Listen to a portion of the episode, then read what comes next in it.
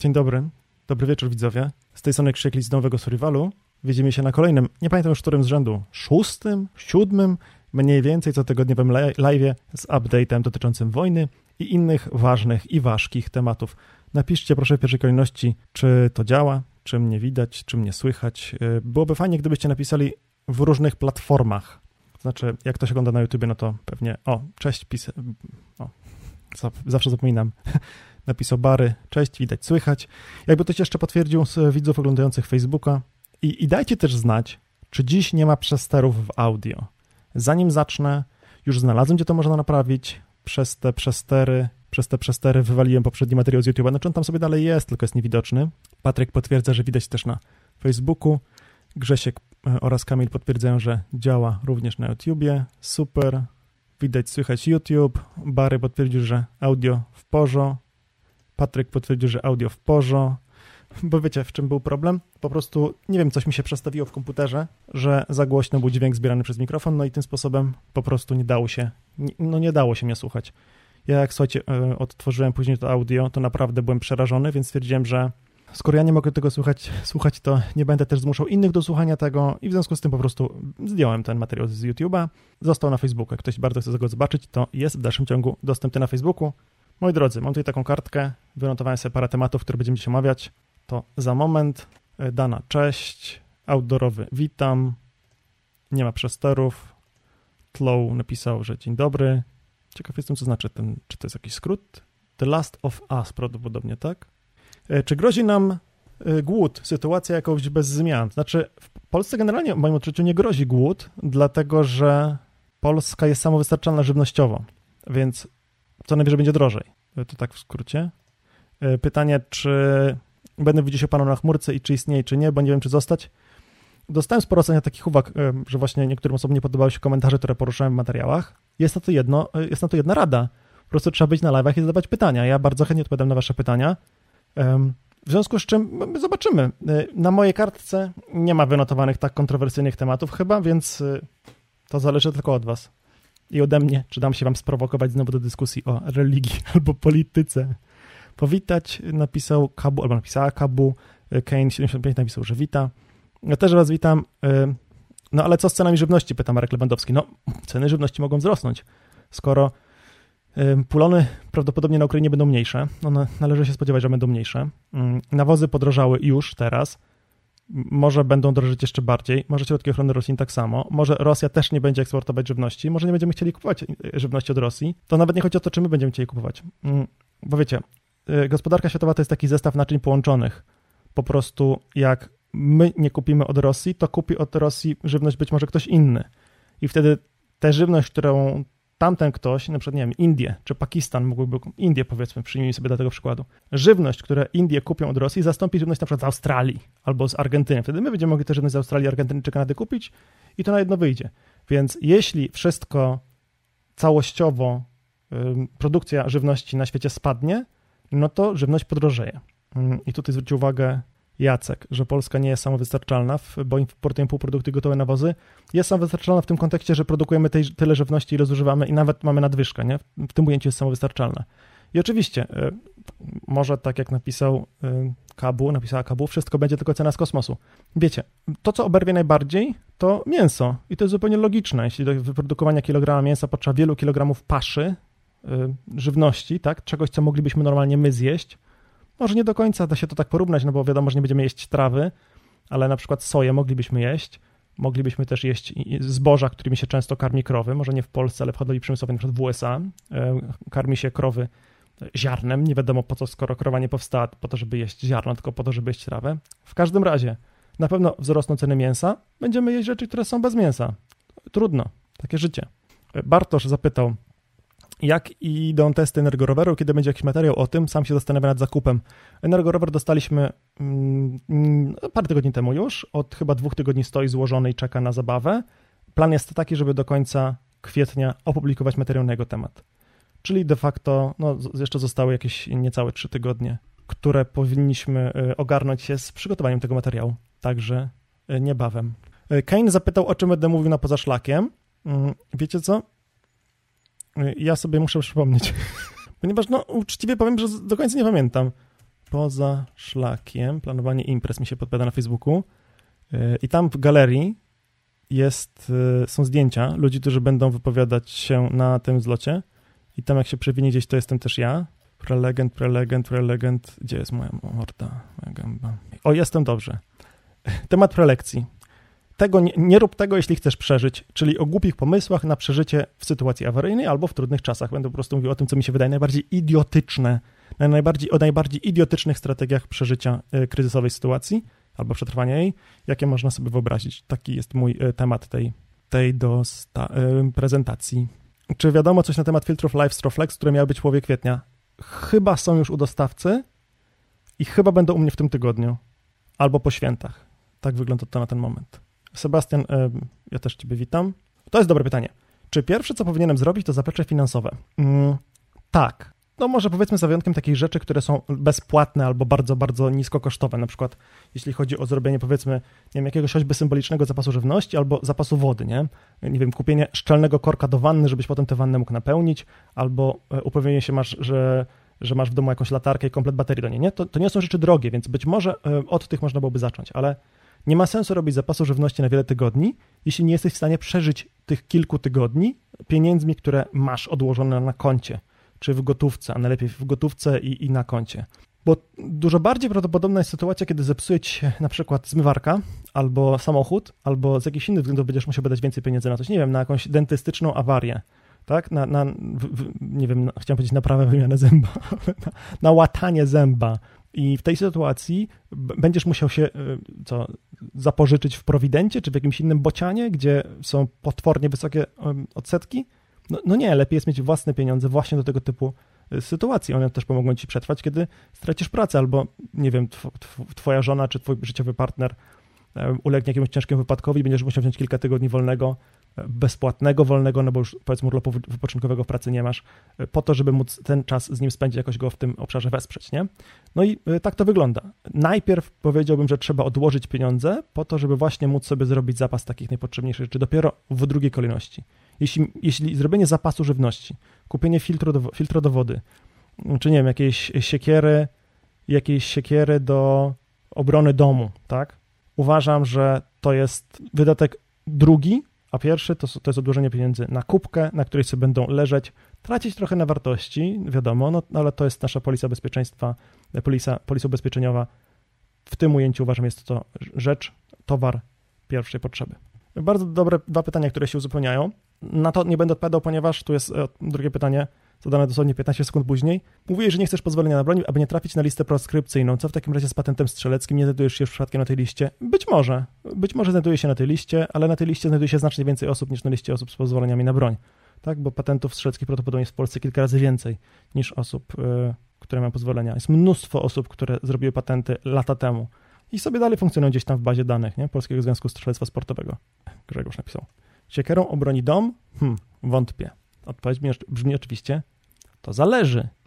Przed ork orkami rosyjskimi nie obronisz domu siekierą, ale przed jakimś maruderem, który będzie chciał cię napaść w czasie, kiedy orki będą atakować na przykład y, sąsiednie miasteczko i policja będzie miała jakieś ważniejsze rzeczy, nie będzie działać łączność, nie będzie się w ogóle po tę policję dało zadzwonić, no to wtedy być może za pomocą tej siekiery się obronisz i w tym ujęciu uważam, że fajnie byłoby je mieć. Pytanie, czy będą jeszcze jakieś filmy z zapasami na przypadek na przykład wojny? Słuchaj, no co, co mogę ci powiedzieć? Staramy się, aby nasze firmy odpowiadały na wasze zapotrzebowanie, nie? Teraz w weekend pojawił się materiał dotyczący tego poradnika, mm, jaki on tam miał tytuł, znowu zapomniałem. Bądź bezpieczny chyba ten, mm, ten materiał miał tytuł, znaczy ten, ten poradnik miał tytuł, takiego poradnika, bądź gotowy, takiego poradnika, co trzeba robić w sytuacjach awaryjnych, jak się na te sytuacje awaryjne przygotować, jaki zestaw ewakuacyjny mieć, jak dużo mieć różnych rzeczy w domu, tego typu rzeczy, nie? Sporo osób ten materiał podrzucało, sporo osób e, o ten materiał nas, nas pytało, no więc widzieliśmy, kurczę, trzeba coś na ten temat nagrać. To siadłem i nagrałem. Po czym okazało się, że ten materiał nie jest jakoś specjalnie e, ciekawy, chociaż widać, że czasami ludzie tam piszą w tym materiale, no, jak tak y, czytałem ten dokument, zastanawiałem się, co będziesz na jego temat do powiedzenia. No więc przyszedłem, zobaczyłem, jest ten film, fajnie. Staramy się trafić w to, co was interesuje, natomiast... Y, nie do końca się nam to zawsze udaje, nie? Najprostsza metoda na to jest po prostu napisać konkretnie, co, jakie zagadnienie cię interesuje. Może się okazać tak, że gdzieś na przestrzeni tych 10 lat, y, czy powiedzmy 12 lat, zależy jak liczyć. W 2010 powstał kanał na YouTube pod koniec. na przestrzeni tych 11 lat z groszami opublikowaliśmy mnóstwo różnych materiałów na YouTubie, więc jest całkiem prawdopodobne, że Twoje pytania już znalazły gdzieś odpowiedzi właśnie w tamtych starych materiałach. Także o to chodzi. Zamiast siekiery broń palna napisał Radek, a Mentol napisał, no tego pytam, jakie uzbrojenie? Psy, pistolet, miecz? Nie ma uniwersalnej odpowiedzi na tak postawione pytanie. Zawsze się mówiło, że takim najlepszym wyrównywaczem szans jest broń palna, tak? Że Bóg stworzył ludzi, a Samuel Colt uczynił ich równymi sobie, ponieważ teraz staruszka jest w stanie powstrzymać bandytę, który jest od niej pięciokrotnie cięższy i dziesięciokrotnie silniejszy i stukrotnie bardziej sprawny, tak? Bowiem do, bowiem, bowiem do naciśnięcia spustu w strzelbie nie potrzeba wcale dużo siły. Do kontroli takiej strzelby też niespecjalnie trzeba ani siły, ani umiejętności, w sensie to nie jest tak, że strzelba załadowana jakimś takim zwykłym ładunkiem komuś wyleci przez ramię, jak na niektórych filmach. Oczywiście tak można zrobić, jak się jest durniem, ale jak się podstawowe przeszkolenie, to się będzie strzelać tą strzelbą z biodra nawet w miarę efektywnie, w sensie tak efektywnie, żeby sobie krzywdy nie zrobić, żeby e, nie, nie, nie wyleciała komuś z ręki. Być może taka strzelba właśnie byłaby świetnym narzędziem do obrony miru domowego. Może strzelba czarnoprochowa, taka dwururka, która od zwykłej strzelby kosztuje pewnie ze trzy razy więcej albo cztery. No, to jest niestety trochę problem, że broń na pozwolenia jest tak, tak tania czasami, a broń y, ta bezpozwoleniowa, czarnoprochowa, rozdzielnego ładowania jest tak potwornie droga. No, na to nic nie, nie poradzimy niestety. Jest jaka jest, musimy sobie z tym radzić. Dla części z nas dobrym rozwiązaniem będzie gaz pieprzowy, no ale wyobrażacie sobie używać gaz pieprzowy w mieszkaniu w jakiejś szamotoninie? No nie chyba, prawda? Na, na klatce? No może i tak. Także tu nie ma na to pytanie konkretnych, konkretnych odpowiedzi, takich, znaczy konkretnych, takich um, odpowiedzi, które będą optymalne dla każdego. Strzelba dla kobiety jest jednak trudna do opanowania. Yy, tak, wiadomo, że mężczyzna, czy może dla kobiety, dla dziecka, dla nastolatka, może niekoniecznie mówimy dla dziecka, nie?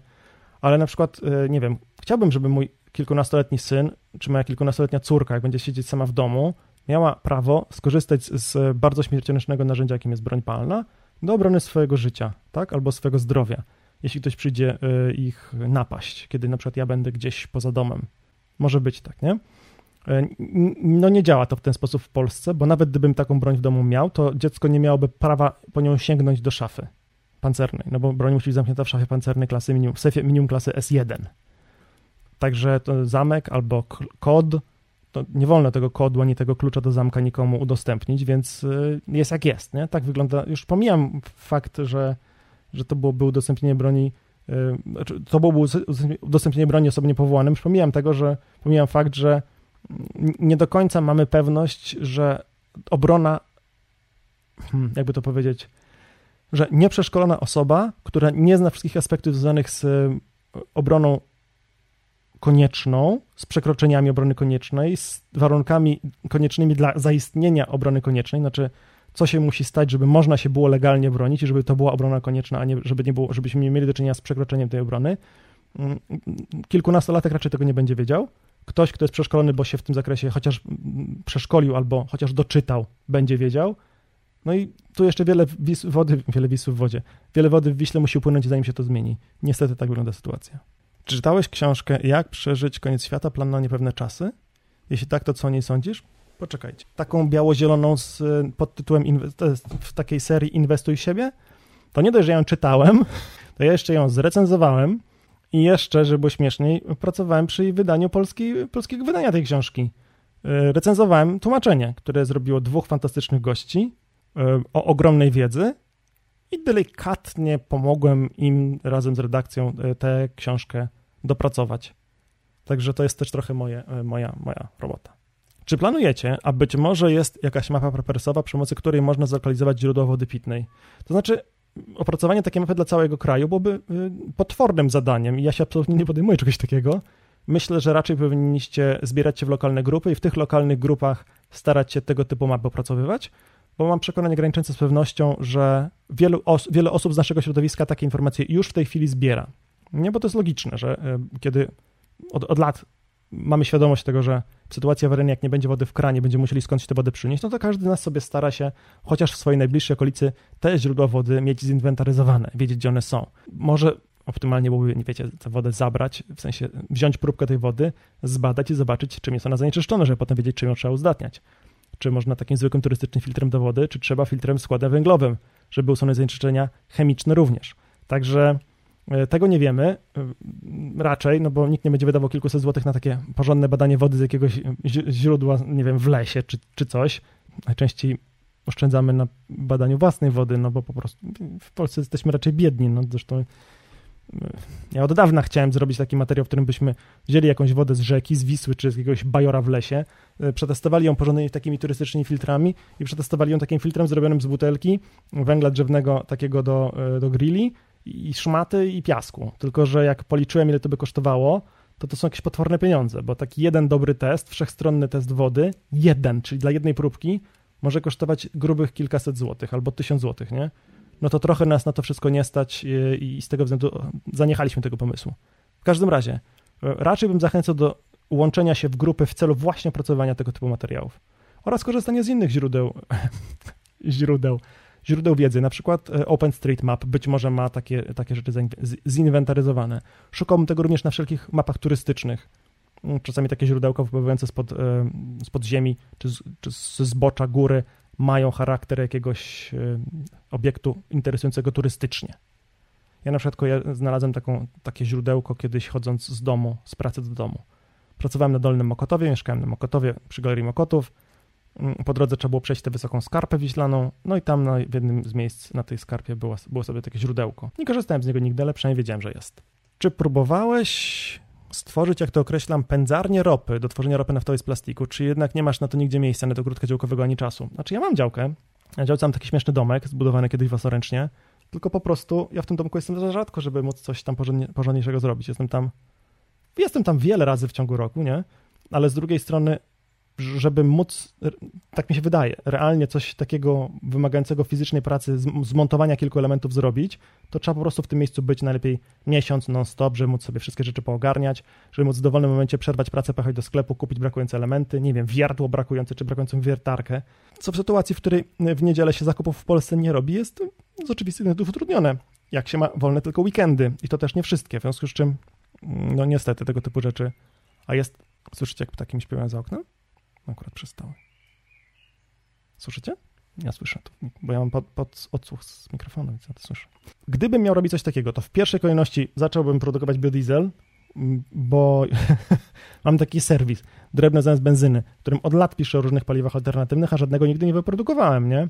Oprócz tego, że lałem kiedyś olej roślinny do, do baku diesla, e, to nie wyprodukowałem nigdy żadnego paliwa, e, a biodiesel jest jednym z najprostszych paliw do wyprodukowania. Potrzeba do tego olej, metanol, oraz wodorotlenek sodu albo wodorotlenek potasu, także jest to dosyć proste.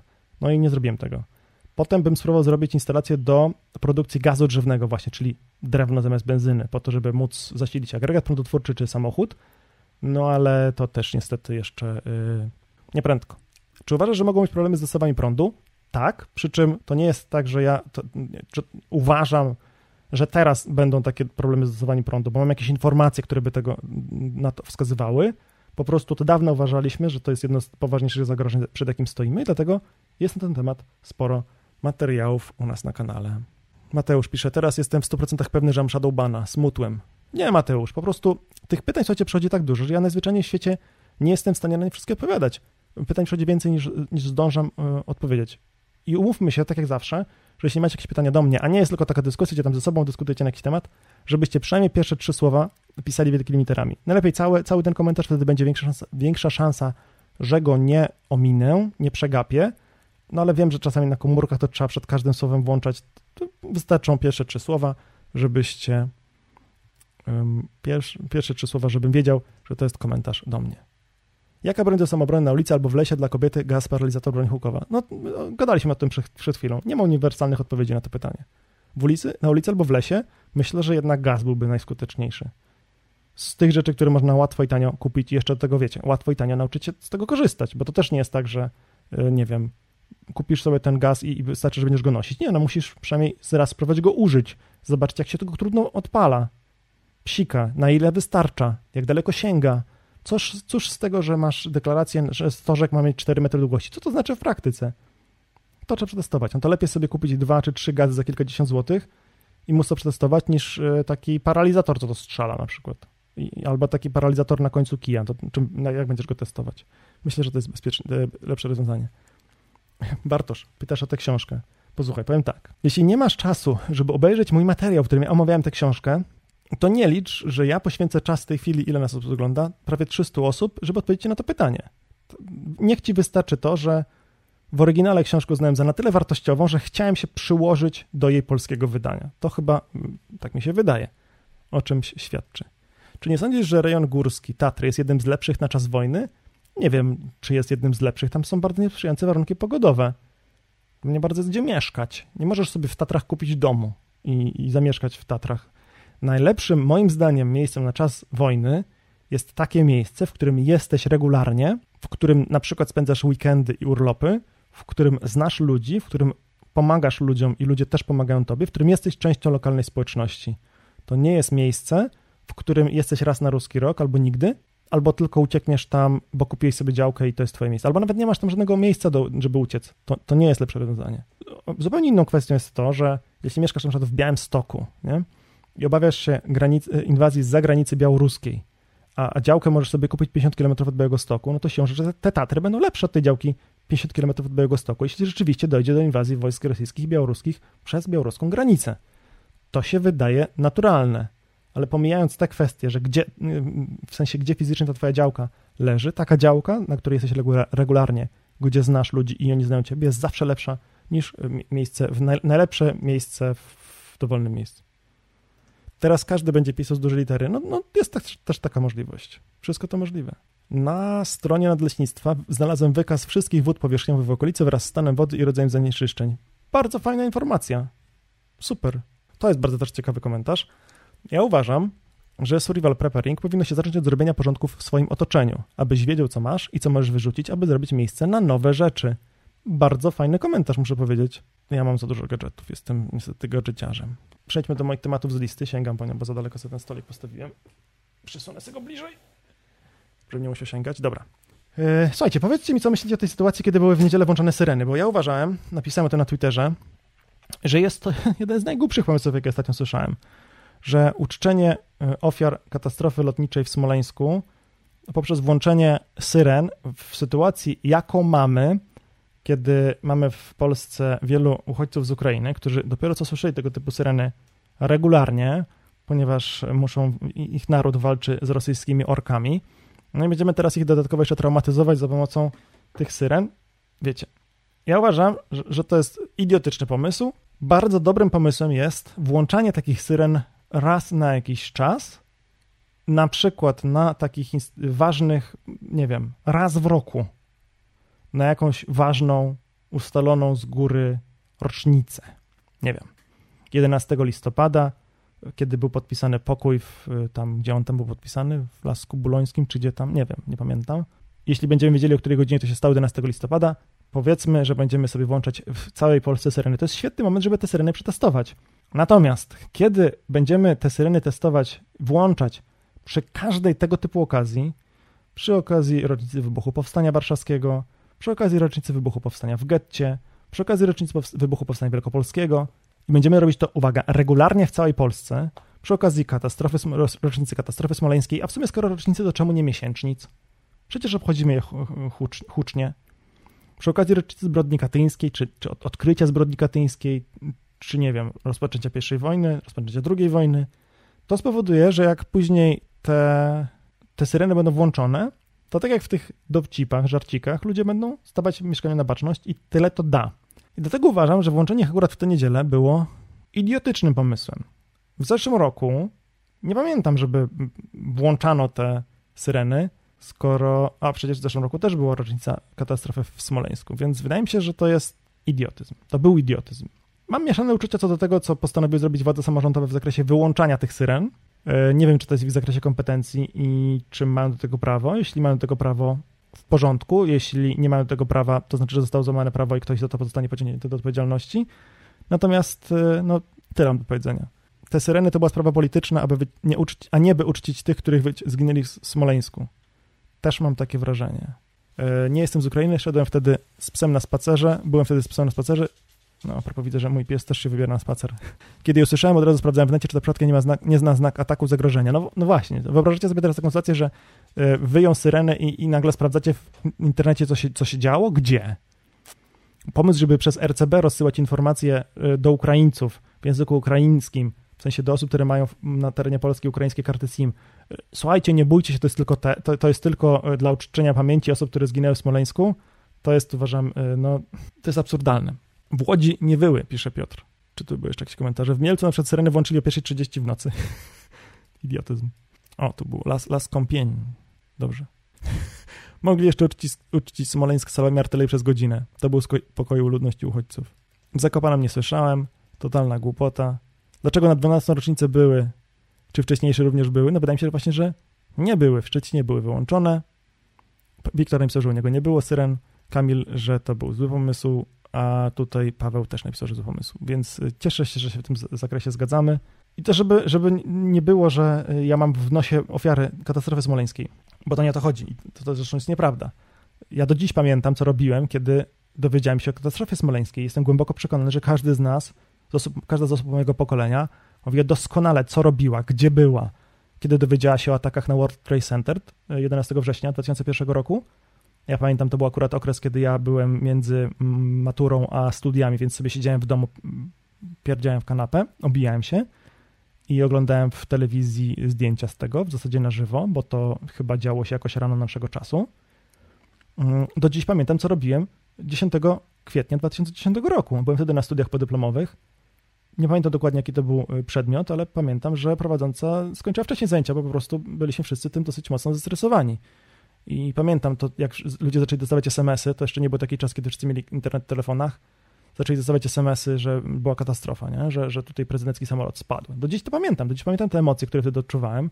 Moja pierwsza myśl, poczułem taki, takie uczucie, które mam jak, jak samochodem się przejeżdża przez taką hopkę, albo na kolejce górskiej, albo na rowerze. Albo jak no, w windzie to się tego, to, tego trudno doświadczyć, albo jak człowiek gdzieś zeskakuje, że tak żołądek mu podchodzi do góry. Miałem takie uczucie przez moment.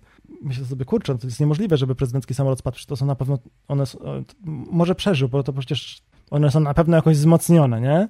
Tak sobie myślałem, do dziś to pamiętam, że było y, śmieszniej, nieśmieszniej.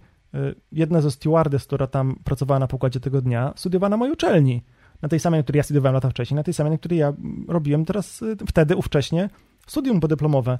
Także mm, to nie jest tak, że ja mam w nosie te ofiary katastrofy smoleńskiej. Po prostu uważam, że cyrk na grobach ofiar tych, tej katastrofy powinien się skończyć. A on się zaczyna, ponieważ drożyzna, wojna, wybory, wiecie, trzeba jakoś temat zastępczy. Zamachy WTC. Zdawałem prawo jazdy. Smoleńsk, byłem na szkoleniu, na szkoleniu odejmującym punkty z prawa jazdy. Zabawna to historia, w twoim przypadku Szymon wyszła. Ja w 2001 roku już miałem prawo jazdy, chyba. Pamiętam, to też dzieciak byłem. No ja y, byłem, w, ja w pracy byłem, w sobota z tym Smoleńskiem. Tu jest komentarz. Pracuję w szkole, gość dostał ataku zespołu porazowego, jak dzieciaki odbijały piłkami do kosza. Chodzi ci o osoby, które przyjechały z Ukrainy? Grubo. Jak bezpiecznie przetestować gaz pieprzowy? Zmieniając zupełnie temat. Y, no, jeśli chcesz przetestować jakby jego skuteczność, no to najbezpieczniej na sobie. W sensie na sobie zobaczysz, jak ten gaz działa. Tylko może nie, nie psikaj sobie od razu w twarz y, całej tej puszki z bliskiej odległości, tylko niech psiknie ktoś, ktoś znajomy, albo ty psiknij pod wiatr, żeby to tak na ciebie potem y, ten zapach, ten gaz wleciał, te, te substancje drażniące wleciały. Zacznij od wciągnięcia nosem niewielkiej ilości tego, tej substancji, żeby zobaczyć, co to jest. Potem z kolei jakby użycie tego gazu, przed nim, no to możesz użyć na drzewie, na, na znaku y, jakimś tam takim drogowym, chociaż no, nikt nie ma twarzy na wysokości tam 3,5 metra, czy na jakiej wysokości piszą sobie znaki. Także, dlaczego ktoś do mnie dzwoni o tej porze? Jestem na live z ludźmi. Jeśli to ktoś z was do mnie dzwoni teraz, to niech mi napisze. Nie rób tego samemu, napisał Rafał. E, niech cię ktoś asekuruje z gazem. No, to jest dobra uwaga. Czy, czy mówię serio z tym gazem? No, no tak, tak. To znaczy, uważam, że żeby poznać skuteczność jakiegoś e, tego typu środka, dobrze byłoby zrozumieć, z czym się on w ogóle wiąże. Żeby wiedzieć, na czym polega ta jego obezwładniająca właściwość. Że to nie polega na tym, że tym dlejesz, tylko polega na tym, że po prostu nie możesz oddychać, że wszystko cię łzawi, wszystko cię boli, znaczy wszystko cię, no oczy cię łzawią, wszystko cię boli, nie jesteś w stanie wziąć kolejnego oddechu y, i zaczynasz się dusić. Oczywiście nie przetestujesz tego, jak sobie nie zaplikujesz porządnie ilości tego gazu, ale jak sobie zaaplikujesz, nie wiem, niewielką ilość na rękę i tak wciągniesz ten, ten, te, te substancje do, do nosa, do płuc, to myślę, że to będzie metoda skuteczna. W sensie taka skuteczna, żeby no trochę to zrozumieć. Za około 5 zł można y, kupić chusteczkę do gazu, gaz relief polecam mieć przy gazie. To jest bardzo dobra uwaga. Jakie zdarzenie, jeśli takie było, spowodowało, przyczyniło się do tego, że zostałeś prepersem? Granie w gry, ale to o tym mówiłem kiedy indziej. Znaczy nie, nie było takiego zdarzenia w moim życiu, które spowodowałoby, że czegoś mi brakowało i nagle zostałem preperem. To był taki proces, który zaczął się od tego, że po prostu dużo grałem w gry i w grach były, były schrony przeciwatomowe, w których sobie ludzie przeżywali wojnę i przeży, przeżywały wojnę i odbudowywały cywilizację. To mi się wydawało takie super, mega romantyczne, fascynujące. I potem zacząłem o tym czytać, okazało się, że można. Barry napisał, mi się kiedyś gaz rozszczelnił w kieszeni, poparzone pół uda. gaz KO prychniesz na ścianę, yy, powąchasz, to się dusić będziesz. No, to właśnie może o to chodzi, żeby zobaczyć ten efekt. Mówię delikatnie, no. Wiecie, nie będę się upierał, nie jestem fachowcem od tego. Ostatnio ktoś mnie, ktoś ze mnie drwił, że że, a, że przeczytam wam to, bo to przecież jest przezabawne. Gdzie to jest yy, komentarze? Bo był ten materiał o tym poradniku, nie? Yy, bądź gotowy. No ja w tym poradniku, w, w, tym materiale powiedziałem, że nie będę omawiać sekcji o pierwszej pomocy, ponieważ się na tym nie znam. Ktoś napisał, Sebastian napisał, polski preppers, który nie zna się na pierwszej pomocy, LOL. Mm, I oczywiście, ja się nie znam na pierwszej pomocy tak, żeby móc wam coś radzić w tym zakresie, żeby móc wam coś podpowiadać, no musiałbym być kretynem, żeby nie mając wiedzy tak ugruntowanej i też metodycznie przekazanej, żeby móc ją komuś przekazać, opowiedzieć i mieć pewność, że robię to w sposób dla niego bezpieczny, nie będę tego robił. To jest idiotyzm. Tak samo nie mam stuprocentowej pewności, że ta metoda, którą zaproponowałem, jeśli chodzi o testowanie gazu, jest najlepsza. Może są lepsze. Tu był komentarz e, Sharika do poprzedniego. Mm, chodziło o to urządzenie do produkcji mm, paliwa z paliwa z plastików. Do tej pędzarni potrzeba wielu rzeczy, na wielu etapach można przerwać pracę. Jeszcze tego nie robiłem, ale mam plan, już plan tworzenia. Dalej w następnej odpowiedzi. Dwie beczki po ropie, różne wielkości, wełna skalna, parę cegieł ognioodpornych, cement ognioodporny, gumowe wężyki, typowa chłodnica laboratoryjna to jedyne potrzebne materiały. To dlaczego tego jeszcze nie zbudowałeś? I ja nie, to nie jest złośliwe pytanie, po prostu to jest normalne pytanie, wiesz, ja się nad tym zastanawiam, w sensie, co ciebie powstrzymuje? Stawiam dolary przeciwko orzechom, że dokładnie to samo powstrzymuje mnie. Mhm. Ja nie mam po prostu takiego miejsca blisko pod Warszawą, do którego mógłbym sobie pojechać. Moja działka jest dosyć daleko od Warszawy. Jest na tyle blisko, żebym tam dotarł piechotą, ale nie na tyle blisko, żebym mógł tam na przykład po pracy pojechać, coś zrobić, jeszcze tego samego dnia wrócić. Albo nie mam też warunków, żeby tam na przykład zanocować komfortowo i następnego dnia y, wrócić do pracy. Ej, ale Krzyśku, to już nie musisz pracować przez biuro, masz pracować zdalnie. Tam jest zasoby internet, żeby mógł pracować zdalnie. Myślałem o tym, żeby się tam wynieść w czasie, kiedy była ta pandemia dwa lata temu. Do dziś się tam pod tym obszarze, w tym obszarze nie za wiele zmieniło, także niestety. Jak przygotować piwnicę w bloku na wojnę, gdy jest ona mała i nie można zbudować wielkiej konstrukcji na stropi ściany? No to po prostu nie przygotujesz jej. Y, to jest, to jest krótka piłka. Jest całkiem często tak, że pewnych rzeczy zrobić się nie da.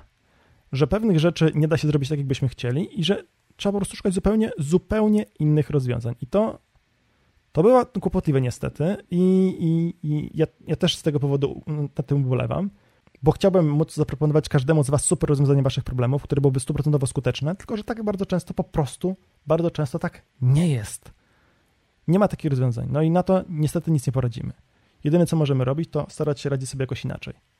E, I to jest może drugi temat, e, którym chciałbym powiedzieć z mojej listy. Mianowicie, pod tym chyba materiałem ostatnim właśnie omawiającym ten poradnik, e, nie wiem, bądź bezpieczny, tak tam on, jaki tam on ma tytuł, bądź gotowy, tam pojawiły się takie pytania, czy ja mam rodzinę? bo to, co ja mówiłem o ewakuacji, da się zastosować tylko w przypadku singla, może ewentualnie małej rodziny tu sobie wynotowałem taki komentarz, przeczytam go w, w, całości. Ja mam syna ze znacznym stopniem niepełnosprawności i mieszkam jeszcze z mamą, która po 70, która choruje na Parkinsona i ledwo chodzi. Nie mamy samochodu.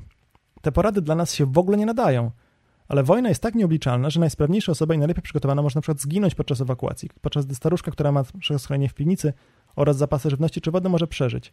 Sama ewakuacja jest bardzo niebezpieczna i może być problemem, co wybrać. To prawda. Jeśli ktoś ma y, takie, powiedzmy, większe potrzeby, tym, bardziej specyficzne potrzeby, na przykład osoby niepełnosprawno, y, z niepełnosprawnościami, które poruszają się na wózku inwalidzkim, albo takie osoby, które są niewidome, tak?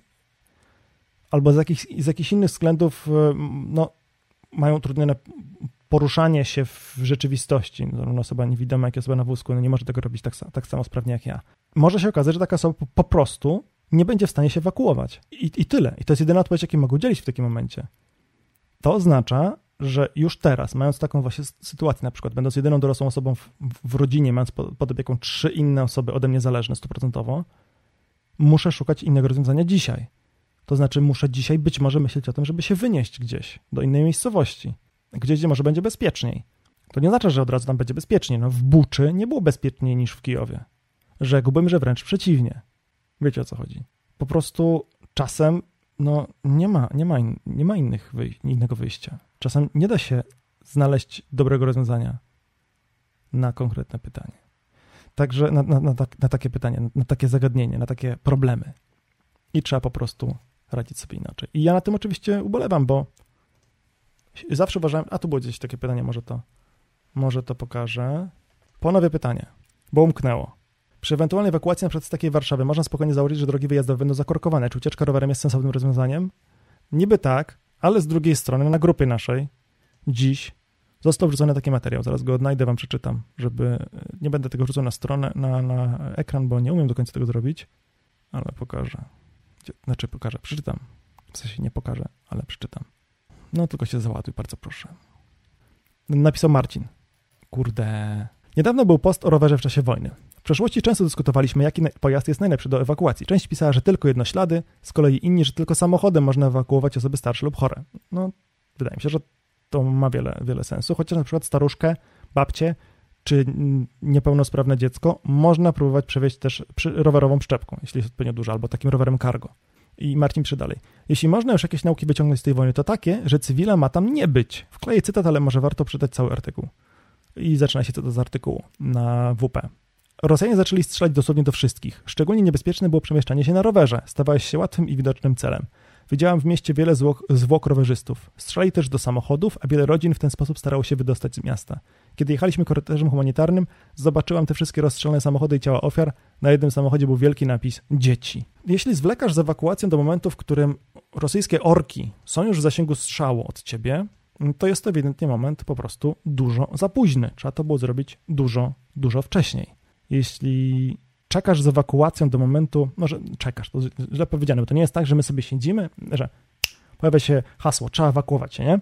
I, I wszyscy o tym wiedzą, i wtedy nagle wszyscy schodzą do domów, ruszają samochodami, na dół do garaży, ruszają samochodami wszyscy wyjeżdżają, stoją w korkach. Tak się nie zdarzy. A raczej będzie właśnie syrena, jakiś komunikat radiowy, nie wszyscy to radio od razu włączą, część będzie spać, część będzie właśnie spać pijana, część będzie w pracy, część będzie w metrze, nie będzie słuchać radia. Część osób zanim wróci do domu minie, nie wiem, pół godziny, godzina między tym momentem, kiedy pojawia się informacja, że trzeba się ewakuować, a ostatecznie decyzją tych ludzi, że się trzeba ewakuować. Minie druga godzina, zanim oni się zaczną ewakuować, bo nie będą do tego przygotowani. Nie będą mieli tych zestawów ewakuacyjnych, nie będą mieli takiego przemyślanego tego, jak, jak się komunikować z rodziną. Nie będą miały te osoby takiego planu, do którego się będą mogły zastosować. No i teraz my to wszystko chcemy mieć. Po to właśnie, żebyśmy nie musieli tych dodatkowych, tej dodatkowej godziny przygotowań marnować właśnie na ten cel. My chcemy to mieć przygotowane zawczasu. Czyli powiedzmy, tę złotą godzinę nie będziemy konsumować na to, żeby właśnie podjąć decyzję o ewakuacji, uzgodnić to z rodziną, tylko ruszymy. Wyślemy SMS-y rodzinie. Ruszamy, spotykamy się na działce u Zbyszka, po drodze spotykamy się w punkcie pierwszym, drugim, trzecim. Rozpiskę masz y, w domu i w samochodzie. Do zobaczenia. Nie? I wtedy, jak, jak załatwimy to w ten sposób, jak, jak przygotujemy się do tego zawczasu, nie będziemy musieli na to marnować czasu. Aż tyle. Jeśli natomiast przegapimy to z jakichś względów i, samo, i drogi rzeczywiście będą zakrokowane, no to trzeba się przesiąść na inny środek komunikacji. Na rower na przykład. Czy to będzie moment, w którym rosyjskie samoloty będą przykład ostrzeliwać do konwoj cywilów? Być może. No ale to tylko z dowodu na to, że po prostu za późno podjęliśmy o tym decyzję. Ja proponuję szkolić się we wszystkim. Sztuka walki, broń, żywność, zapas, schron. Najważniejsze przemieszczanie się, jak przebić przez zapory na drogach, mieć krótkofalówki, nie telefony. Nie da się szkolić we wszystkim. Nie da się, po prostu to jest, to jest no nierealne. Nie da się mieć takiej każdej umiejętności, która może ci się w życiu przydać, zarówno zawodowo, jak i w sytuacjach awaryjnych. Raczej powinniśmy starać się pracować w grupie, współpracować w grupie, choćby z sąsiadami. Niech jeden się zna na radiach, niech drugi się zna na pozyskiwaniu żywności w lecie, w lesie, w lecie, w lesie, a niech trzeci chociaż będzie miał informację o tym, skąd przynieść wodę i mieć w domu sprzęt do uzdatniania tej wody. To już jest dobry punkt wyjścia. Pytanie. Wspominałeś o unikaniu bojowych ubrań w trudnych czasach. Czy chodzi o kamuflaż, konkretne kolory, czy sam krój? A widziałeś, widziałeś ostatnio taki film jak y, Czołg i nie wiem właśnie, czy teraz ukraiński czołg odparował całą grupę rosyjskich żołnierzy, czy to rosyjski czołg odparował jednym strzałem całą grupę ukraińskich żołnierzy. No to czy chciałbyś być w takim wojskowym ubraniu na takim konflikcie? Myślę, że nie. Myślę, że wszystko, co przyszło mi na kamuflaż, jest do wywalenia. No i wiecie, to z drugiej strony powoduje, że jesteś lepiej widoczny. Czy lepiej być lepiej widocznym, czy lepiej być w kamuflażu? Nie ma na to pytanie konkretnej odpowiedzi. Najlepiej jest po prostu tam nie być, żeby cię żaden ruski, rosyjski ork nie widział, ponieważ on zabije cię dla przyjemności. Rozumiecie? Rosyjskie orgi zabijają dla przyjemności, bo im się nudzi na wojnie od kilku tygodni. Tu nie pomoże czerwony ciuszek, zielony ciuszek, niebieski, biały, biało-czarny. Tu pomoże czapka niewidka, ale kurde nie wymyślili jeszcze czapek niewidek. Jak długo trzeba czekać w piwnicy po wojnie nuklearnej? Trudno odpowiedzieć na tak postawione pytanie, bo to, zale to zależy. Być może już tylko małe kilka tygodni. Pytanie. Według Ciebie rozsądnie jest kupić w ramach preparingu tłumik plus, plus regulowane tło gazowe do już posiadanej broni, żeby mniej na siebie zwracać uwagę, czy nową jednostkę broni w podobnej cenie? Nie wiem. To zależy. No bo tak. Gdybyś miał na przykład, jeśli masz na przykład tę broń w dwóch różnych miejscach, w domu i w celu ewakuacji, no to super. To wtedy być może kupienie tego tłoka gazowego i tłumika ma sens. Ale jeśli masz tylko jedną broń w domu, jeden, jedną broń długą w domu, a w celu ewakuacji nie masz żadnej drugiej broni i będziesz mieć potencjalnie tylko przy sobie ten pistolet, który masz e, przy sobie, powiedzmy, chodzisz z nim do pracy, jeśli do ewakuacji zmusi cię sytuacja, kiedy jesteś w biurze, zanim zdążysz wrócić do domu, no to, to ja bym chyba wybierał jednak drugi karabin w takiej sytuacji. Ale ja się na broni nie znam, więc wiecie, znaczy nie znam się, no. Umiem załadować, umiem bezpiecznie strzelać, umiem nie zrobić sobie krzywdy ani ludziom postronnym. Trochę na temat tej broni wiem, ale e, nie na tyle dużo, żeby móc na takie pytanie odpowiedzieć. Szukam tych e, pytań, gdzie, gdzie pierwsza słowo przynajmniej jest wielkim, wielkimi literami. Jaki typ broni jest według Ciebie najbardziej uniwersalny? Pistolet, strzelba, karabin do ochrony miru domowego przed szabrownikami. Bardzo fajny materiał o strzelbie, o strzelbach na trudne czasy na kanale. Strzelby są super. Do tego stopnia, że strzelba, w strzelbie możesz mieć różne, różnego rodzaju, różne naboje, nie? I możesz na przykład sobie załadować tę strzelbę w ten sposób, że, na że zaczynasz od takiego najgrubszego naboju, powiedzmy breneki, czyli takiego naboju, który może nie przebija kamizelki kuloodpornej, ale ym, no, robi dziurę w tym, co jest za kamizelką kuloodporną, ponieważ tak bardzo mocno ją wgniata, masz tak, ma taką ogromną energię ten pocisk. Yy, przed breneką jakieś takie grubsze śruty, na początku taki najcieńszy, naj, naj, najdrobniejszy śrut, albo może nawet elaborowany ręcznie nabój z solą kamienną. Po to, żeby w pierwszej kolejności komuś nie, kogoś nie zabić, a w, w razie czego tym którymś z rzędu strzał, strzałem już go zneutralizować. Przy czym w strzelbie możesz nabój wyjąć z komory nabojowej i załadować inny, dowolny inny, co nie jest tak proste w przypadku broni ładowanej z magazynków pudełkowych, no bo jak? Znaczy, oczywiście nie mówimy o strzelbach ładowanych z magazynków pudełkowych, tylko o tych strzelbach typu pump action, w których po prostu cofamy czu, czułenko, czy jak to się tam nazywa, wylatuje nam nabój z komory nabojowej, i pakujemy do komory nabojowej inny nabój w jego miejsce. Także to jest wtedy łatwiejsze. To jest wielka zaleta. Z drugiej strony sam, sam fakt, że możesz użyć bardzo różnych nabojów, że możesz użyć nabojów z takim bardzo grubym śrutem, gdzie jest 8 czy 9 takich kulek, które mają energię podobną do naboju pistoletowego. Jak takiego człowieka trafisz, no to 3-4 takie kulki wejdą gdzieś tam w, w, w jego ciało, dostarczając tyle energii, co 3-4 postrzały z, z pistoletu, nie? No to to daje do myślenia. Ale czy to jest rozwiązanie najlepsze? Nie, nie wiem. Jeżeli już robisz, ro, jeżeli już robisz ro, ro, jeżeli już robisz rower ucieczkowy, to pod kątem umieszczania na nim sakw. W sakwach masz różne rzeczy, wiele takich, które są ciężkie, więc takie, które docelowo mogą cię zasłonić. No ale nie będziesz się tymi sakwami zasłaniać, w sensie co, zeskoczysz z rowerem, będzie ciebie rosyjski snajper strzelał? Będziesz się chował za sakwami? No nie. A, jak w tych sakwach jest na przykład kartusz z gazem, albo y, kuchenka na benzynę, no to, to, to nie. Ostatnio zrobiłem wycieczkę po Warszawie z odgrzebanym w piwnicy CB radiem. Pustynia, nikt tego już nie używa. Jak twoje testy komunikacji, Krzyśku? Ostatnio? Bardzo dobrze, wiele osób słyszałem. Chyba nikt nie słyszał mnie. Ale bardzo dobre, bardzo coraz lepiej nam te testy wychodzą. Niestety w tym za dwa dni nie będę w stanie uczestniczyć, bo po prostu e, mam inne plany na popołudnie. Dlaczego mówicie, że ruskie będą strzelać? Ja wiem od kiedy tylko pamiętam Jankesi wojnę wstrzymali i oni już tu są. Widzicie? Taka sytuacja powoduje, że chwasty wyrywają się same. Rosyjskie trolle ujawniają się i można je potem błyskawicznie zablokować, cyk, ukrył użytkownika na tym kanale, Nikola Maliszewska, znaczy osoba, która podpisuje się jako Nikola Maliszewska, nie będzie nam już tutaj robić syfu na kanale.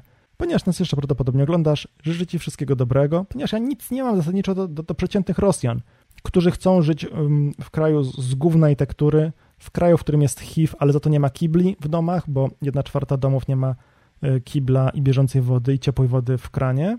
Jeżeli lubisz żyć w takim kraju, a pieprzyć takie głupoty w internecie, życzę Ci wszystkiego dobrego. Będziesz potrzebować na pewno wiele wsparcia w najbliższej przyszłości. Krótko z takimi. Tak jest. Jak ktoś sieje szkodliwą informację, to dostaje bana. Broń musi być przechowywana w stałym miejscu stałego zamieszkania, nie można ich mieć kilka w różnych miejscach. To jest nieprawda. To znaczy, ja nie jestem ekspertem od broni, nie jestem prawnikiem, ale jak kiedyś, kiedyś śledziłem taką dyskusję, która była właśnie dokładnie ten temat na, na jakiejś grupie dyskusyjnej i ktoś napisał, że właśnie tak jest, ktoś inny napisał, nie, to nieprawda, podaj y, dowody, że tak jest. I nie było w tamtej dyskusji dowodów, czy aktów prawnych, czy cytatów z ustawy o broni i amunicji, czy jakiejkolwiek innej ustawy, które nakazywałyby trzymać broń w konkretnym miejscu. Nie ma takich przepisów na dzień dzisiejszy. Po prostu nie ma. Chyba, że się pojawiły pod osłoną nocy. Albo jakaś była niedawno nowelizacja ustawy i ja po prostu to przegapiłem, ale według mojej wiedzy nie ma a tutaj Jacek potwierdza, że można mieć w kilku miejscach. Moim zdaniem można bez żadnego powodu, bez żadnego problemu. Dobrze, co my tutaj mamy dalej? Jakie ciekawe pytania? Przypominam, że jak macie ochotę, żebym pytanie wasze przeczytał i do niego się, do niego odpowie- do niego się odniósł, to tak jak tutaj Wilkunek, pierwsze chociaż kilka słów proszę wielkimi literami, żebym wiedział, że to nie są dyskusje wami, między wami. Czy da się uchronić przed EMP, czyli impulsem elektromagnetycznym, przed schowaniem, przez, przez, na przykład przez schowanie awaryjnej elektroniki przyziemnej może w uziemionej, na przykład w klatce Faradaya. Czy może nie zastanawiałeś się nad tym? Zastanawiałem się nad tym, ale y, trochę w gardle, więc będę y, się czegoś napiję. A w ogóle, Jezu, tak długo gadamy? Do dziewiątej tylko gadamy, potem kończymy, dobra? No więc, impuls elektromagnetyczny może zniszczyć bardzo wiele różnych rzeczy. Może zniszczyć naszą, naszą domową elektronikę, może zniszczyć elektronikę w samochodzie, może zniszczyć y, sieci tele, telekomunikacyjne, ale też sieci energetyczne. Czyli może to spowodować, że nie będzie niczego. Jak zapowiadał prezydent, kandydat na prezydenta chyba Białegostoku, Krzysztof Kononowicz. Po prostu nie będzie niczego. No i teraz z tym jest duży problem, bo nie mamy czym zasymulować takiego zagrożenia.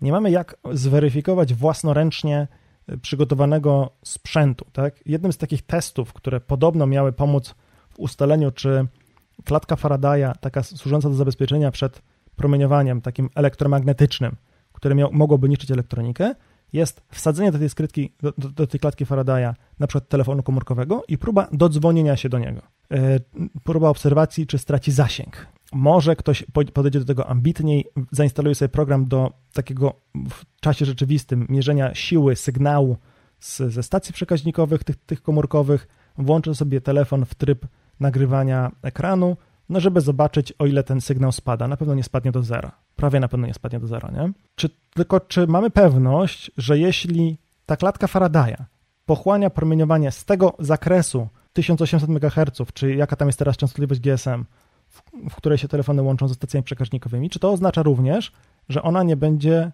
e, że, że ona będzie dobra również dla innych częstotliwości, które mogą się pojawić, wyzwolić przy impulsie elektromagnetycznym?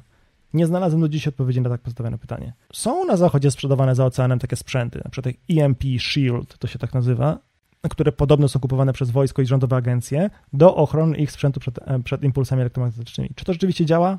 Nie wiem. Więc ja sobie tym osobiście nie zaprzątam głowy, ponieważ w momencie, w którym taki impuls elektromagnetyczny się przydarzy, nie będzie działać praktycznie nic i to, że nie będzie działać również moja krótkofalówka, uważam za bez, y, bez znaczenia. Takie jest moje podejście. Czy to jest podejście dobre? Pewnie nie. Dlatego absolutnie Was do tego nie zachęcam. O proszę bardzo. A wiesz, jaki jest syf na Ukrainie? Ilu się zawitało u nas HIV, gruźnicą nie wyleczono innymi chorobami, których nikt nie badał, a nikt nie padał w kwarantannie? O. To jeszcze większa tektura zacofanie i gówno, kolego drogi, nie wspominając o uderzeniu ekonomicznym, bo, US, bo USA za którym odstawiają teatr globalny. Proszę bardzo. Hide user on this channel. Jest już 375 osób. W ogóle, czy ktoś mógłby napisać, ile jest łapek w górę? I na pewno jest ich za mało, więc bardzo prosiłbym, żebyście napisali więcej łapek w górę. Pytanie o wodę. Czy w przypadku wyczerpywania, wyczerpania się zapasów wody, umycie się w niefiltrowanej wodzie z rzeki, np. z Wisły, Odry, zwykłym szarym mydłem jest bezpieczne dla zdrowia, choroby skóry itp.? Nie wiem. No mydło teoretycznie ma działanie antybakteryjne, tak? Tylko, że to działanie antybakteryjne takiego zwykłego mydła, mydła, które nie ma na, na, opakowaniu napisane, że działa antybakteryjnie, to działanie antybakteryjne polega głównie na zmywaniu te, tych bakterii z ręki, czyli neutralizujemy te bakterie, pozbywając się ich. W jakimś tam stopniu oczywiście ten bardzo zasadowy odczyn tego mydła może mieć wpływ na te bakterie, tak? Na, na wirusy może też w jakimś stopniu. Natomiast e, no, nawet lekarze, jak się e, dokładnie myją przed operacjami, to myją się tym mydłem, choćby ono było antybakteryjne, ale tak, żeby mieć po prostu dokładnie czyste, dokładnie wyczyszczone ręce, każdy zakamarek, szczotkują sobie pod paznokciami, po to właśnie, żeby usunąć mechanicznie z pomocą też mydła brud, w którym mogłyby być bakterie. I to jest podstawowa rzecz. Czy lepsze mydło antybakteryjne dobrze usunie te, te bakterie, jeśli spłuczemy później rękę wodą z rzeki z tymi bakteriami? No, no nie, to znaczy usunie, ale potem znowu te bakterie wprowadzimy.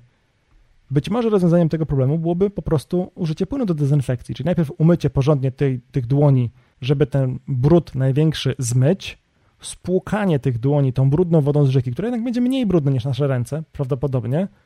Niech ta ręka będzie chociaż, niech to chociaż będzie mm, w jakiś sposób, y, nie wiem, y, ta woda nie będzie chociaż przeczyszczona przez jakąś, nie wiem, grubą tkaninę czy cokolwiek, tak? To będzie na pewno mniej brudna i mniej, będzie trochę na nie mniej bakterii, no bo te bakterie nie tylko pływają sobie w wodzie, lecz także są na tych różnych tam cząstkach zawieszonych w tej wodzie, ale potem ostatnim takim naj, najważniejszym etapem będzie właśnie zdezynfekowanie tych dłoni, po prostu. Pytanie, co robić z wodą z makaronu po, w przypadku y, jej oszczędzania?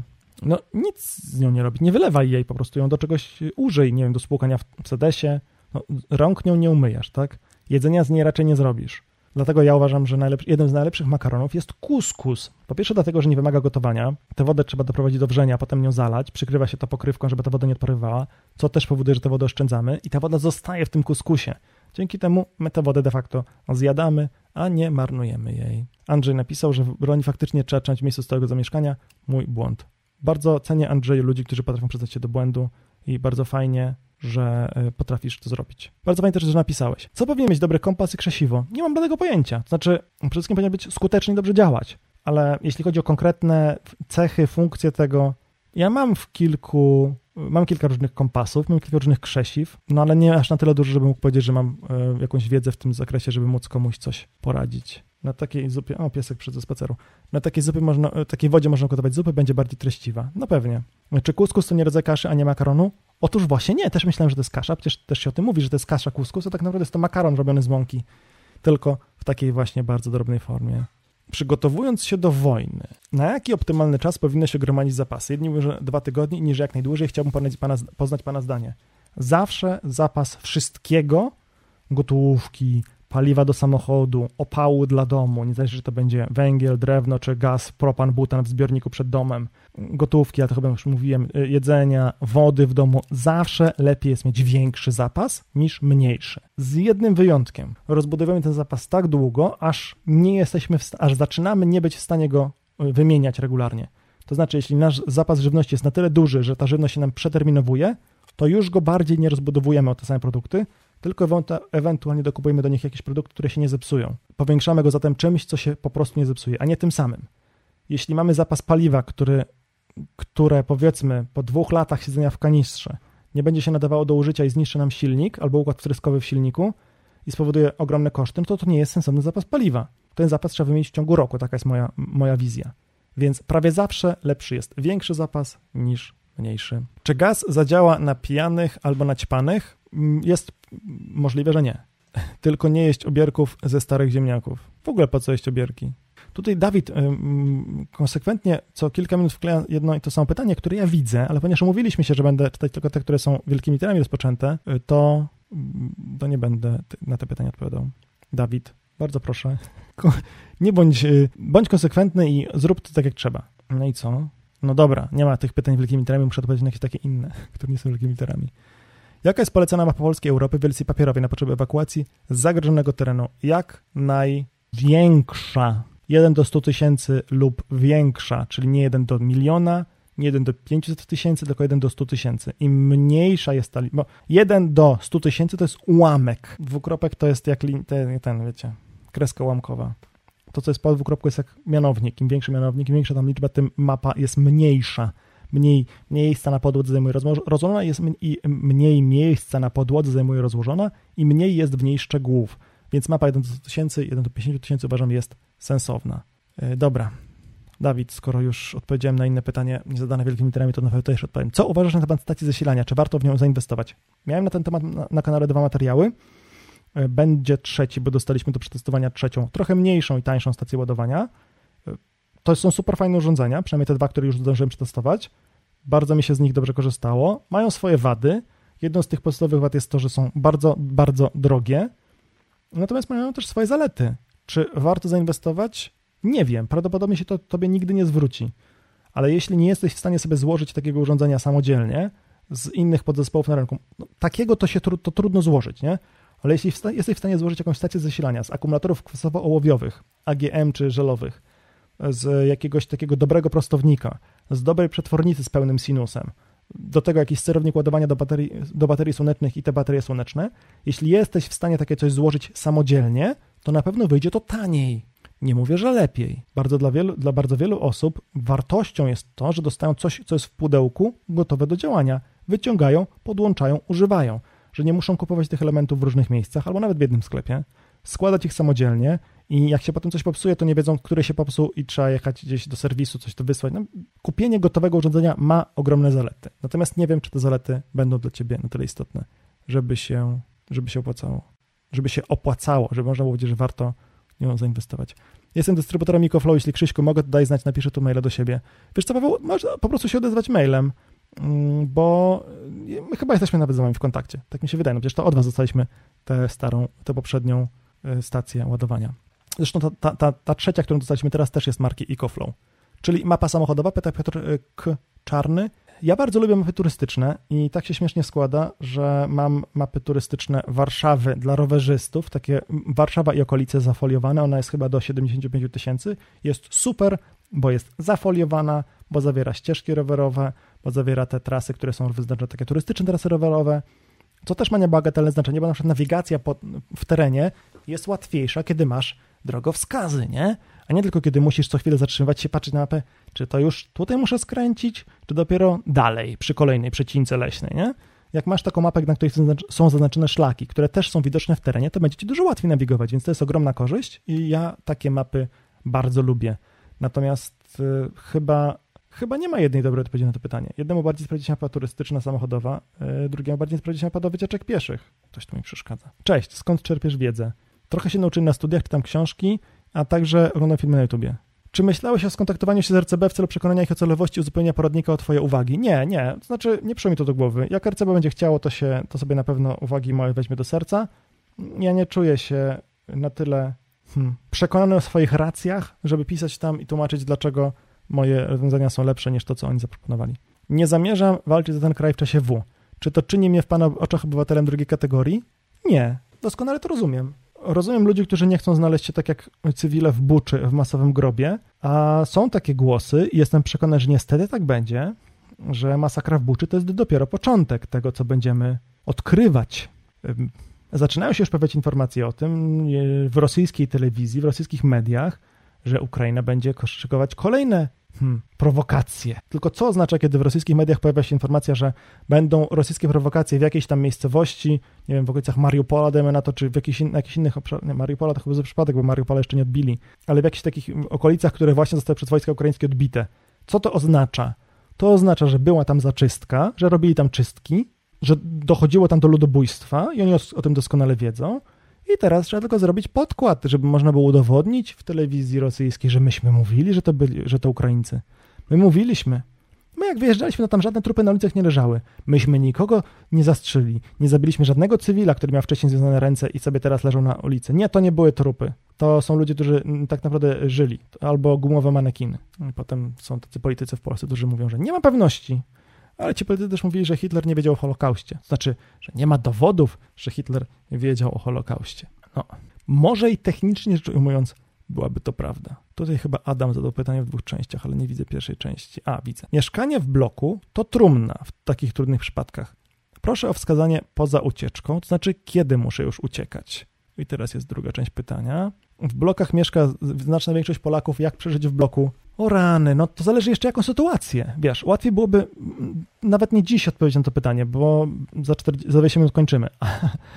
Powtarzam to głównie sobie, żeby nie zapomnieć. Ale w formie może na przykład osobnego materiału. Łatwiej byłoby mi przygotować materiał, na, wiedząc konkretnie na jakie zagrożenie, czy może, może nie tyle na jakie zagrożenie, co z brakiem czego byś chciał, y, na brak czego chciałbyś się przygotować. To znaczy, mniej mnie interesuje, czy ty, czy, ciebie, czy, czy, czy ty się obawiasz wojny, czy kryzysu finansowego, czy epidemii. Raczej chodzi o to, że nie będziesz miał gazu w rurce yy, i ciepłej wody oraz ogrzewania i prądu, nie? I wtedy trzeba pewne rozwiązania zaadaptować, które gdzieś tam w jakby kawałkach były pokazywane na kanale. Pokazywaliśmy biokominek, pokazywaliśmy piecyk naftowy, to są super rozwiązania do, na ewentualność braku ogrzewania. Biokominek wydaje mi się rozwiązaniem dla bloku najlepszym, ponieważ jest najbezpieczniejszy, chyba z tych takich źródeł ciepła, które można mieć w domu, pomijając może piecyki na propan, ale piecyki na propan zajmują dużo miejsca, zresztą butle z propanem też, te takie 11-kilowe butle y, gazowe, więc biokominek plus zapas etanolu do niego, plus palnik na etanol do gotowania na tym etanolu, to jest uważam super rozwiązanie. I już masz czym gotować, czym się ogrzewać, mm, jeszcze nie masz prądu, jeszcze nie masz tej żywności, wody, ale już część tych problemów masz rozwiązanych, więc może kiedyś taki materiał zrobimy. Tylko napisz konkretnie, mm, co, y, co jakby spędza ci sens powiek w tym, w tym ujęciu, y, że mieszkasz w bloku. Tak, tylko okazało się, że Bucza to dzielnica willowa, gdzie ci biedacy byli pochodzenia rosyjskiego, ci bogaczy, co uciekli wcześniej, to Ukry z Kijowa. No, co teraz z twoimi bzdurami? A Bucze już uciszają. Y, postępowania należy pozostawić na czas powojenny. Cyk. Proszę bardzo, śmieci wynoszą się same. Hide user on this channel. Kochani, jeśli nawet przyjmiemy, że te ofiary cywilne to byli Rosjanie, był taki artykuł, dziś ktoś wrzucał na Twittera, że jednym z osób, jedną z ofiar cywilnych, która zginęła z rąk ukrów, yy, tro, nie, przepraszam, nie ukrów, ja się w ogóle takim słowem nie posługuję, orków, podobne są to słowa, dlatego mi się pomyliło, z, z rąk rosyjskich orków był gość, który popierał Putina, przedsiębiorcy, który popierał Putina. No i co? Ktoś napisał, że karma wraca. No nie uważam, żeby to, że ktoś popiera Putina było powodem, żeby go mordować, nie? Od razu. Ale jeśli nawet ro rosyjskie orki mordowały Rosjan, no to chyba tylko tym gorzej to o nich świadczy. Naprawdę nie wierzę, nie ma we mnie cienia wiary, że Ukraińcy wymordowali swoich obywateli po to, żeby zrzucić odpowiedzialność na Rosjan. Natomiast to, że Rosjanie wymordowali ludzi, i próbowali rzucić obywateli, e, rzucić odpowiedzialność na tę drugą stronę, to już kiedyś widzieliśmy. Kurczę, kiedy to mogło być? Hmm, był jakiś taki mord, kurczę, coś mi się mówi, druga wojna światowa chyba, albo pierwsza, jakieś takie elity, kurczę, co to mogło być? Katyń oficerowie. Co się pojawiło w prasie w pierwszej kolejności? Że to Niemcy. Niemiecka zbroj, zbrodnia na polskich oficerach. Mhm. Niemiecka, niemiecka. Mhm. Troli nie lepiej banować i im o tym nie mówić? Niech się produkują w próżnię? to znaczy, w ogóle to bardzo dobrze, że trole przychodzą na te nasze transmisje. Dlatego, że bardzo dobrze byłoby, kiedy tutaj pojawia się więcej komentarzy. Im więcej komentarzy, tym bardziej YouTube'owi się wydaje, że ten film jest dla Was wartościowy. Tak samo więcej łapek w górę. Po raz drugi, proszę tutaj mniejszym, bezczelnie, bez ogródek, proszę Was o łapki w górę. Im więcej tych łapek w górę, im więcej komentarzy, im więcej komentarzy pod tym filmem, tym lepiej to będzie działało. E, mogę na przykład zrobić taki eksperyment, tak jak poprzednio.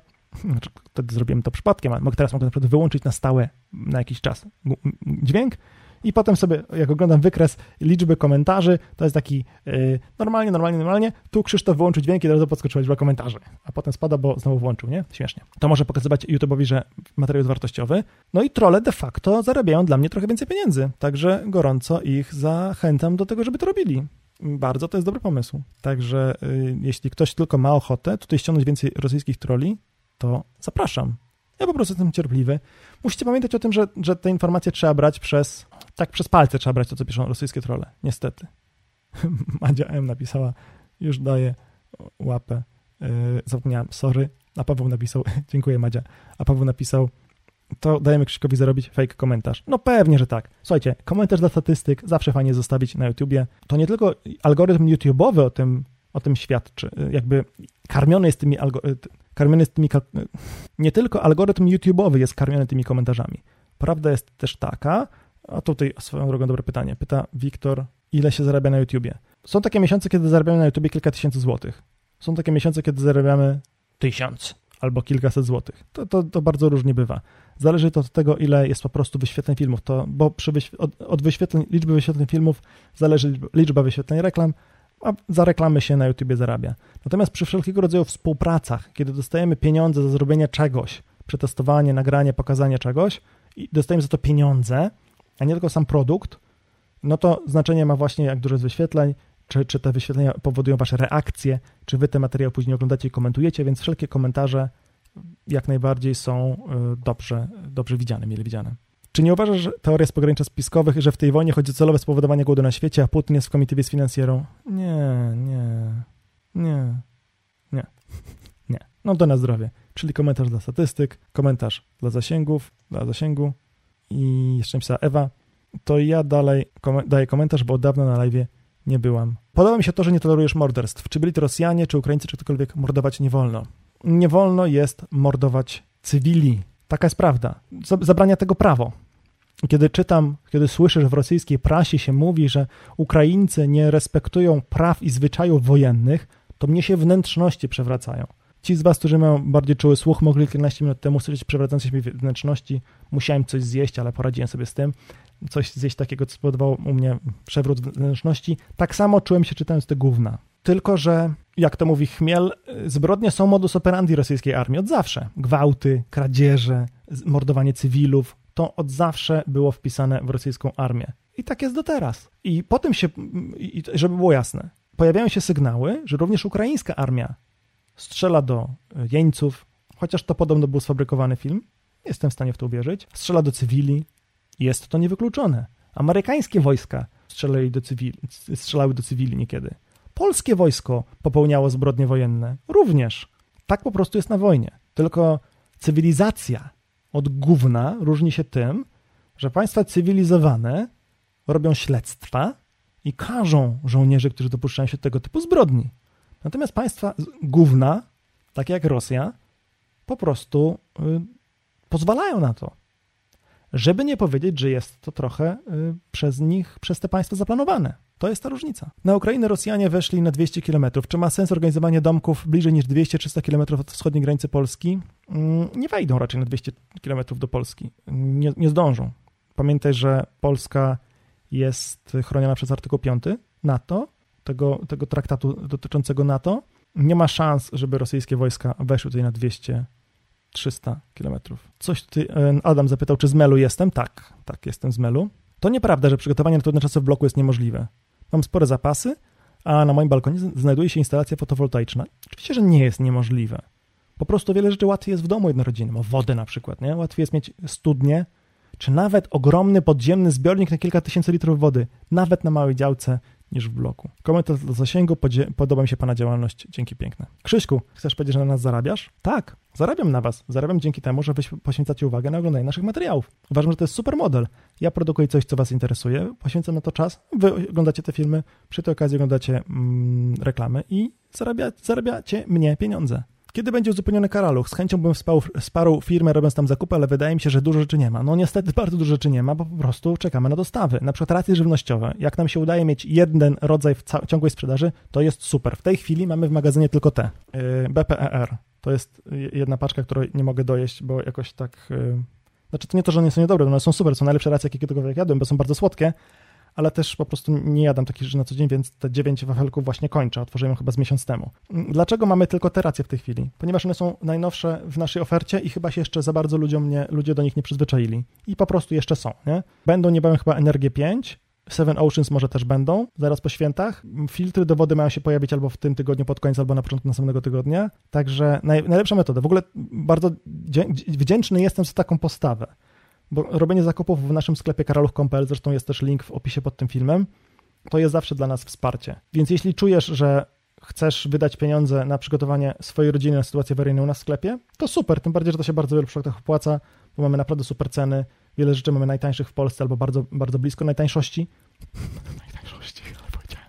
W sensie, że nie są to rzeczy drogie, a pod wieloma filmami, gdzie coś ci opowiadam, jest, są kody rabatowe i można sobie jeszcze przeoszczędzić, więc e, do tego zachęcam. Jeśli czegoś nie ma, to pisz, być może będę w stanie powiedzieć ci, kiedy to się pojawi, a jeśli nie, to będę w stanie powiedzieć ci, co w zamian za to należałoby kupić, bo wiem, że będzie niebawem. Czy wysyłasz za granicę? Napisał y, Husar. Tak. Chociaż to jest strasznie, to jest strasznie nieopłacalne, bo to może kosztować kilkadziesiąt złotych albo i sto złotych. Zarabiaj ile się da, nie kradniesz, a uczciwie dzielisz się wiedzą. Dziękuję. To jest dla mnie bardzo cenne. Jak są popakowane BPER? Trzeba zjeść całą po otwarciu. Już pokazuję. Jest kartonik, w środku jest taka folia, którą ja sobie tak ładnie rozciąłem, ponieważ użyję do pakowarki próżnej, bo to jest super folia. W środku jeszcze jest taka folia, ale ta folia jest, jak widzicie tutaj, nie, nie widzicie, ale jest z dziurą. O, widzę, że jest z dziurą. I w tej folii jest dziewięć takich wafelków. No dobra, jak już wyjąłem, to zjem, to no, trudno. E, I te wafelki nie są hermetycznie zapakowane. Ta folia druga też nie jest hermetyczna. W energii, żeby wam nie szumiało, jak mówię. W BPER, e, wróć, w Energię 5 każdy z tych batoników, wafelków jest jeszcze zapakowany w osobną folię. Ale ja taką, takie, takie jedzenie mam odpakowane tygodniami w domu i nic mu się nie dzieje. To tak jakby się dostaje otwarte opakowanie ciastek. Przy czym ciastka stracą na smaku, natomiast to smakuje dokładnie tak samo, jak i parę tygodni temu. Czy myśleliście o jakichś zestawach typowo MRE, takich wojskowych? Mamy takie zestawy całodniowe marki Track and Eat i tam w skład takiego zestawu wchodzi kilka dań liofilizowanych, jakieś tam dodatki, jakaś tam herbata, nie herbata, kawa, napoje jakieś takie owocowe, smakowe, głównie służące do tego, żeby były elektrolitami i ułatwiały nawodnienie organizmu. Tego typu rzeczy mamy. Jest to niestety drogie. Czy jest instalacja do łapania deszczówki? W sensie u nas w sklepie? Nie. Mm, Scarlett zapytała, czy jest, czy myślimy o rozwinięciu oferty sklepu, więcej sprzętu na apokalipsy. Tak, zawsze jeśli są jakieś rzeczy, tylko że po pierwsze, mamy trochę ograniczone miejsce magazynowe, po drugie, mamy oczywiście trochę ograniczony budżet, więc nie wszystkie rzeczy jesteśmy w stanie ściągnąć albo poprosić dystrybutora, żeby nam podesłał do przetestowania, ale jeśli są jakieś konkretne rzeczy, których mm, chciałabyś, które chciałabyś kupić, to dawaj znać. Na pewno nie będzie w ofercie scyzoryków i y, multituli, z, całej, z całą pewnością, dlatego że oferta tych produktów na rynku jest tak duża, że nie byłbym w stanie zapewnić sensownego y, i dostępnego cały czas stanu magazynowego tych różnych modeli. Także tak. Michał napisał, że szanuje bardzo naszą politykę cenową. Nasza polityka cenowa jest taka, że nie podnosimy cen, jeśli nie musimy. Jeśli ceny są tak, jakie są, to wzrosną, kiedy będziemy musieli płacić więcej za, za towar albo za euro, za które ten towar kupimy. A raczej nie będziemy podnosić cen, dlatego że jest panika. Nie robimy tego, to byłoby idiotyczne. I słuchajcie, ostatni temat. A propos podnoszenia cen. Czy wprowadzimy do oferty sklepu ładowarki na Dynamo? Yy, kurde, jak tylko będą, to tak. Natomiast y, super ładowarka na Dynamo marki Freeplay była przez, w ofercie Karolucha przez wiele, wiele lat, a potem marka Freeplay stwierdziła, że ona nie będzie jednak tego typu produktów sprzedawać y, użytkownikom cywilnym, więc niestety nie mamy. Ale mamy, miewamy radyjka Midland ER200 i ER300, które działają jako powerbank napędzany korbką. Recenzja ER300, recenzja ER300 była gdzieś na kanale. Dobra, słuchajcie, bo Ostatnio trafiłem na taki kanał Prepera.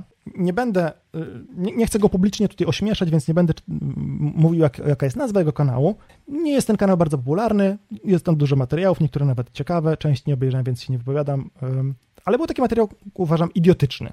Materiał, w którym być może trochę po naszych live'ach, których było dużo mowy o polityce, napisał, y, znaczy powiedział ten autor tego kanału, że on u siebie na kanale nie chce mieć polityki, ponieważ preperzy powinni się łączyć, a polityka zawsze dzieli i poza tym on ma dostatecznie dużo polityki w telewizji. Jak polityk generał Skrzypczak mówi, że powinniśmy zaanektować okręg kaliningradzki czy obwód kaliningradzki, to jemu się nóż w kieszeni otwiera. Jak słyszę, że, że Polacy chcieliby, żeby wzrosły ceny paliw, żeby były sankcje na Rosję, to on nie wie, kto go to, nikt go o to nie pytał, jakim prawem się politycy wypowiadają w imieniu Polaków. Tak się śmiesznie złożyło, że byłem ostatnio w weekend u znajomych i znalazłem taki artykuł z zeszłotygodniowego tygodnika Polityka, w którym było napisane, że zrealizowane przez Kantar Public za pomocą wywiadów telefonicznych na reprezentatywnej próbie tysiące dorosłych Polaków w latach, w dniach 18-21 marca było badanie, w którym zadano pytanie. Wprowadzenie sankcji na Rosję spowoduje w naszym kraju podwyżki cen. Czy uważa pan, pani, że Polska mimo to powinna takie sankcje wprowadzić, aby pomóc Ukrainie? No i odpowiedzi są. Zdecydowanie tak, 56%. Raczej tak, 28%. Trudno powiedzieć 7%, zdecydowanie nie 3%, raczej nie 6%. Czyli łącznie 9% Polaków odpowiedziało, że nie chce, żeby wzrosły ceny ropy i gazu, y, ropopochodnych substancji y, i gazu, żeby Rosji utrudnić jej działanie. No i teraz tak, któryś z dziennikarzy chyba powiedział coś takiego, chyba, bo te słowa są mu przypisywane, ja tego nie widziałem u, niego na Twitterze czy w jego wypowiedzi, artykule, więc nie jestem w stanie powiedzieć, że, że to on powiedział z pewnością. Wiecie, to jest tak z tym cytatem, że Einstein powiedział, że w internecie można znaleźć dowolną głupotę, tylko że nie. No więc ten dziennikarz powiedział, że nie każdego stać na paliwo po 10 zł, ale nikogo nie stać na wojnę z Rosją nikogo w Polsce nie stać na wojnę z Rosją. Ja uważam osobiście, że powinniśmy jak najszybciej przestać importować wszystko, co się tylko da z Rosji. Wszystko. Amunicję. Widziałem na przykład, że ludzie nie chcą kupować broni, amunicji rosyjskiego pochodzenia, bardzo słusznie.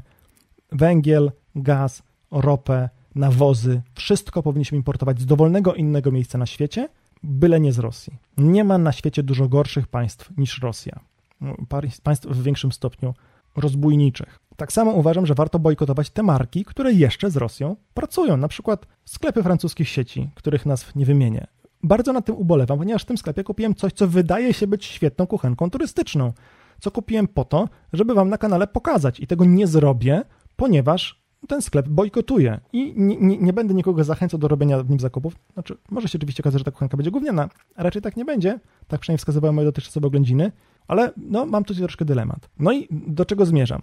Twórca tego kanału powiedział w swoim filmie, że, on, że jego nikt o zdanie nie pytał, a on ma do przejechania miesięcznie 2,5 tysiąca kilometrów. No i ja zadałem pytanie, proste pytanie, podobne jak ta ankieta, którą przeczytałem, zresztą tę samą ankietę widzieliście na Facebooku, na YouTubie, na Instagramie. Zapytałem, czy wolisz, żeby Ukraińcy umierali za rosyjskie pieniądze pod rosyjskimi kulami, czy wolisz fundować te bomby kasetowe spadające na dworce, gdzie czekają cywile, rakiety spadające na szpitale i kule, którymi są cywile mordowani w Buczy i w innych miejscach, czy wolisz kupować taniej surowce energetyczne i fundować tę machinę wojenną i propagandową wymierzoną nie tylko w Ukrainę, lecz także w Polskę, czy wolisz płacić trochę więcej? Zabawna sytuacja jest taka, że ten człowiek nie odpowiedział mi na to pytanie, tylko nagrał drugi film odnoszący się do mojego komentarza, w którym, zaskoczy was, dalej nie odpowiedział na to pytanie. Kiedy mu to wypomniałem i kiedy prowadziłem z nim kolejną dyskusję w czterech kolejnych komentarzach moich, dalej nie odpowiedział na te cztery moich komentarze na to proste pytanie. A odpowiedź jest prosta. Chcę wspierać machinę wojenną rosyjską. Chcę, żeby moje pieniądze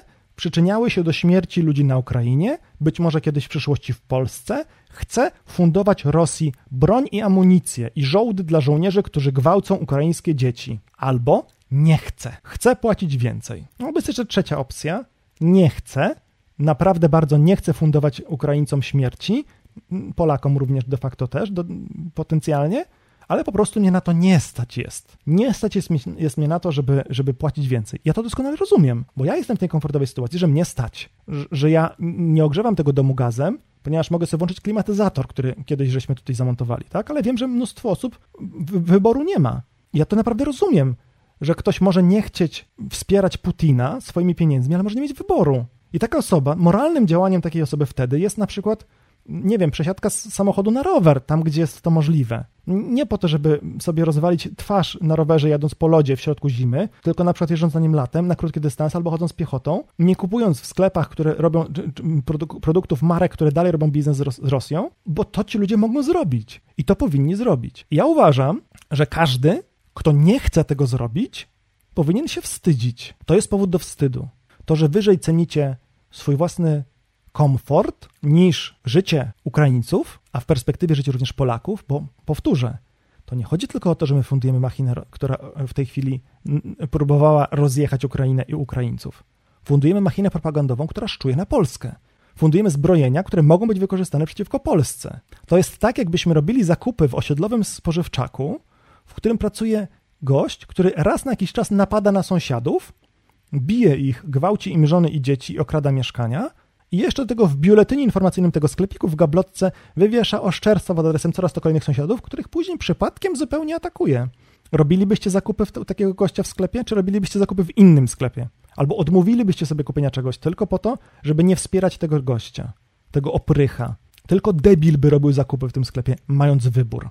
Tylko człowiek głęboko niemoralny dalej robiłby zakupy w takiej sytuacji. Jeśli ktoś miałby wybór, to by tego nie robił. I do tego was zachęcam. Bojkotujmy wszystko, co zostawia pieniądze w Rosji. Starajmy się tych pieniędzy naszych bezpośrednio również nie zostawiać. Bo dziś w naszym imieniu walczą Ukraińcy. Ale może przyjść taki moment, jeśli teraz nie połamiemy Rosji rączek i nóżek, nie powyjamy Rosji zębów, nie otoczymy Rosji drutem kolczastym i murem i nie odetniemy od reszty cywilizowanego świata, tak jak odcięto została Korea Północna, jeśli to wszystko nie nastąpi, za 30 lat ta sytuacja może się powtórzyć, tylko tutaj. I my musimy naciskać na naszych polityków, żeby to zrobili. I my musimy naciskać na naszych polityków, żeby na arenie europejskiej doprowadzili do wspólnego bojkotu surowców energetycznych z Rosji jak najszybciej. Nawet jeśli przez ten czas będzie nam trochę zimniej i trochę będziemy bardziej. Mm, będziemy musieli jeść żywność gorszej jakości, bo mięso podrożeje. To jest w naszym dobrze rozumianym interesie.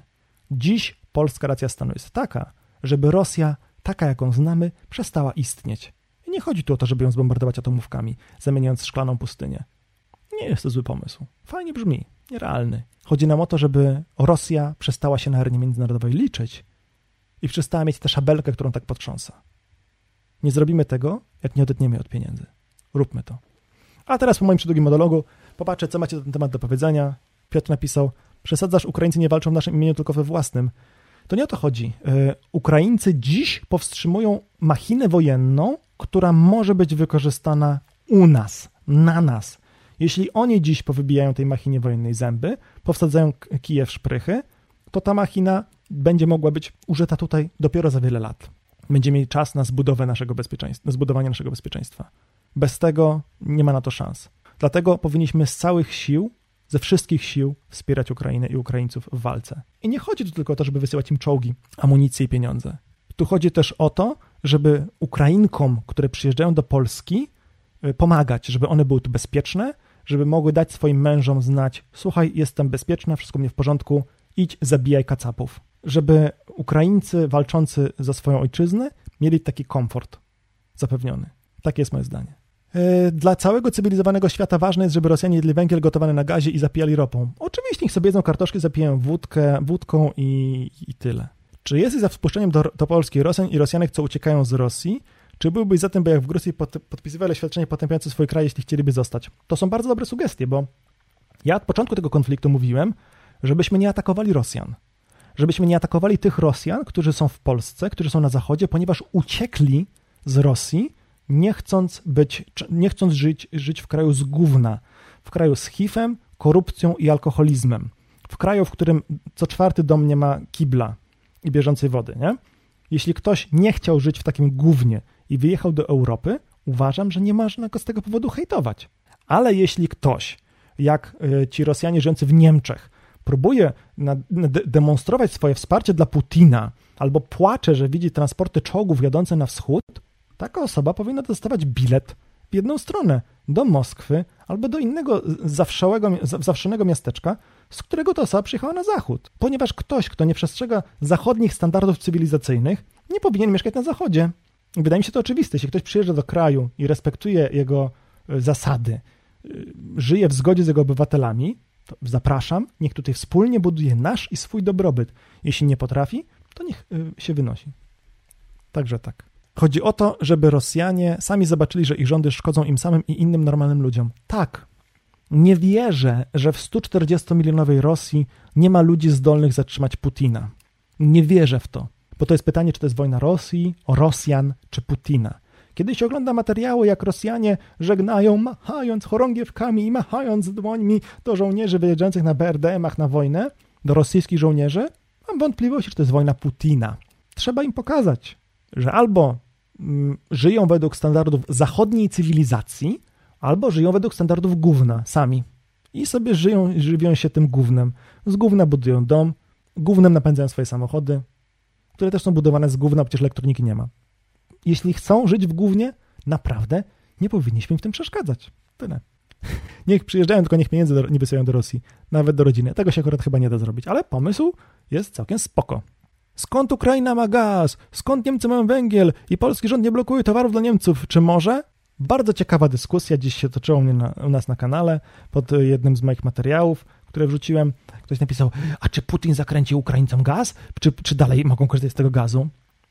Dziwne, że taka osoba nie patrzyła sobie na mapę, jakież to gazociągi przechodzą przez Ukrainę i co się dalej z nimi dzieje. Powiedzcie, czy, czy, czy y, jak się zakręci gaz na wejściu na Ukrainę, w gazociągu, który płynie później do Słowacji, Niemiec i Węgier y, y, i Austrii, to czy Słowacja, Niemcy i Austria będą miały gaz, kiedy Ukrainy nie ma, czy też nie będą miały? Czy jak się zakręci kurek w tym rurociągu, który z Ukrainy biegnie na południe, do Rumunii, Węgier i dalej Turcji, to tam będzie gaz dalej płynął, czy nie będzie? No, to tyle. Czy odwiedzisz kiedyś Czarnobyl? Byłem w Czarnobylu w 2010 roku. Było super. Było super. Dzisiejsze państwa, państw, pańskie wystąpienie jest super, tylko proszę nie używać lewackiego zwrotu w Ukrainie. Panie Zbigniewie, zwrot w Ukrainie jest równie poprawny jak zwrot na Ukrainie. On funkcjonuje w języku polskim mniej więcej tak samo długo i tak samo często. Znaczy ostatnio częściej jest na Ukrainie, w sensie 20 lat temu. Ale jak jest taka piosenka, gdzie się śpiewa o sokołach i jak umrę pochowajcie na zielonej Ukrainie, to w innym miejscu tej piosenki jest mowa, że pięknych dziewczyn jest najwięcej w Ukrainie. No to już samo to chyba dobrze świadczy o tym, że są to jakby formy równie dobre. Więc y, no, no co mogę powiedzieć? To nie jest lewactwo, to jest po prostu język polski. Tak on wygląda. Leć, audio jest dobre, czyli zapis live'a będzie.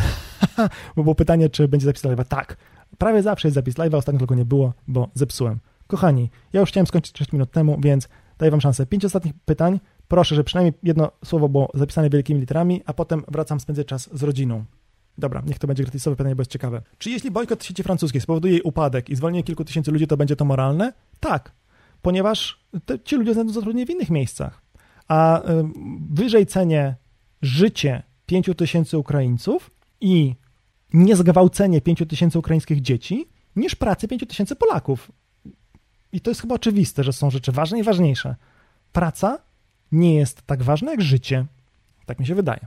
E, pytanie, jak wyszła twoja ankieta z sankcjami? Czy wyniki są już znane? Tak, ja to będę chyba wrzucał dziś na Instagram. Na Instagramie wyszło, zaraz, zaraz wam przeczytam jak, jeśli mogę to już zobaczyć. Czy ja mogę to zobaczyć? Nie, już nie widać tego, oczywiście nie mogę, ale zrobiłem zdjęcie. Na, to, śmieszne, że na Instagramie było tak. E, w tej ankiecie, którą wam czytałem z gazety, było pięć opcji do wyboru. Na Instagramie są tylko cztery, więc opuściłem opcję tam trudno powiedzieć. I na Instagramie jest tak. Zdecydowanie tak 56%, raczej tak 29%, raczej nie 8%, zdecydowanie nie 7%, czyli łącznie 15% osób uważa, że nie. Na YouTubie było tak, tylko czekajcie, otworzę sobie to. Na YouTubie było tak. Zdecydowanie tak 50%, raczej tak 20%, raczej nie 12%, zdecydowanie nie 19%, czyli łącznie na opcję nie. O Jezu, zapowietrzyłem się głosowało około 30% osób. Około, bo jak się sumuje to 31, ale jak się sumuje tamte dwie, to wychodzi, 50, to wychodzi 70, więc gdzieś około 30,5%. Natomiast na Twitterze, gdzie jeszcze zadałem to samo pytanie, na Twitterze z kolei odpowiedzi są takie. Zdecydowanie tak 53, raczej tak 19, raczej nie 10,6, zdecydowanie nie 17, czyli łącznie 28% osób odpowiedziało, że nie. Największa grupa była na YouTubie. I to pokazuje, jak bardzo różnią się nasze grupy, które, te, te, grupy, które wchodzą, obserwują nas w różnych miejscach. Widać, że na YouTube są, było najwięcej rosyjskich troli.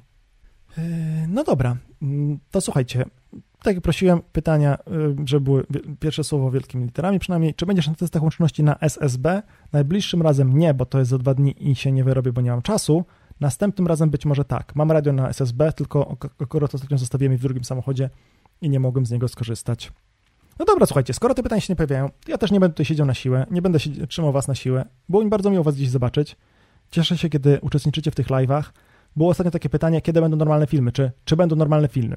Mm, jeden film był wczoraj. Ci z was, którzy go jeszcze nie obejrzeli, to zachęcam, żeby to zrobili. Jeden film nagrałem, będzie w następny poniedziałek, z tego względu, że w poniedziałek wielkanocny nie będziemy się mówić na live'a, Musicie mi wybaczyć, to jest czas, kiedy będę siedział z rodziną, a nie będę siedział z wami. Zresztą wy też będziecie siedzieć rodziną, z rodziną, a nie ze mną, więc to byłoby idiotyczne, gdybyśmy tutaj zrobili spotkanie, na które potem nikt nie przyjdzie. Więc w poniedziałek będzie prawdopodobnie normalny film, albo w niedzielę w przyszłym tygodniu, albo może we środę. Zobaczymy. No, zobaczymy, kiedy mi się go uda zmontować. I pewnie za dwa tygodnie będzie znowu jakiś live, chociaż nie wiem, czy będzie mi się chciał, bo będę po tym zlocie e, poza szlakiem. Nie wiem, czy będę w stanie cokolwiek y, poprowadzić, bo mogę być zmęczony pod tym, że spędzę dwa dni na evencie i jeszcze dwa dni w samochodzie jadąc tam i wracając z powrotem. Także tak sobie to wyobrażam. A ogólnie nasze filmy bardzo często są odpowiedziami na Wasze pytania. Jeśli są jakieś zagadnienia, które Was szczególnie teraz interesują, dawajcie znać. Komentarzami na YouTubie, pisząc na Messengerze, na Facebooku, może nie na w prywatnej wiadomości, bo nie zawsze mam czas na to odpowiedzieć, ale przynajmniej w, przez fanpage, bo tam to w najgorszym razie Artur, Artur coś odpowie. Jeśli mamy jakieś gotowe materiały na ten temat, które się nie zdezaktualizowały, nie zdezaktualizowały, to nie będziemy ich powtarzać, tak wam je po prostu wyślemy. Jak się okaże, że jakieś nowe, ciekawe pytania, to wtedy na nie odpowiemy. Dzięki, było mi bardzo miło. Do zobaczenia w następnym filmie, następnym live'ie. Trzymajcie się. Cześć. Wesołych świąt. Spędźcie czas z rodziną w ciszy i spokoju. Nie kłóćcie się z nimi i nie kłóćmy się my też. Patrzcie, dziś, dziś się nam udało. Do zobaczenia. Cześć.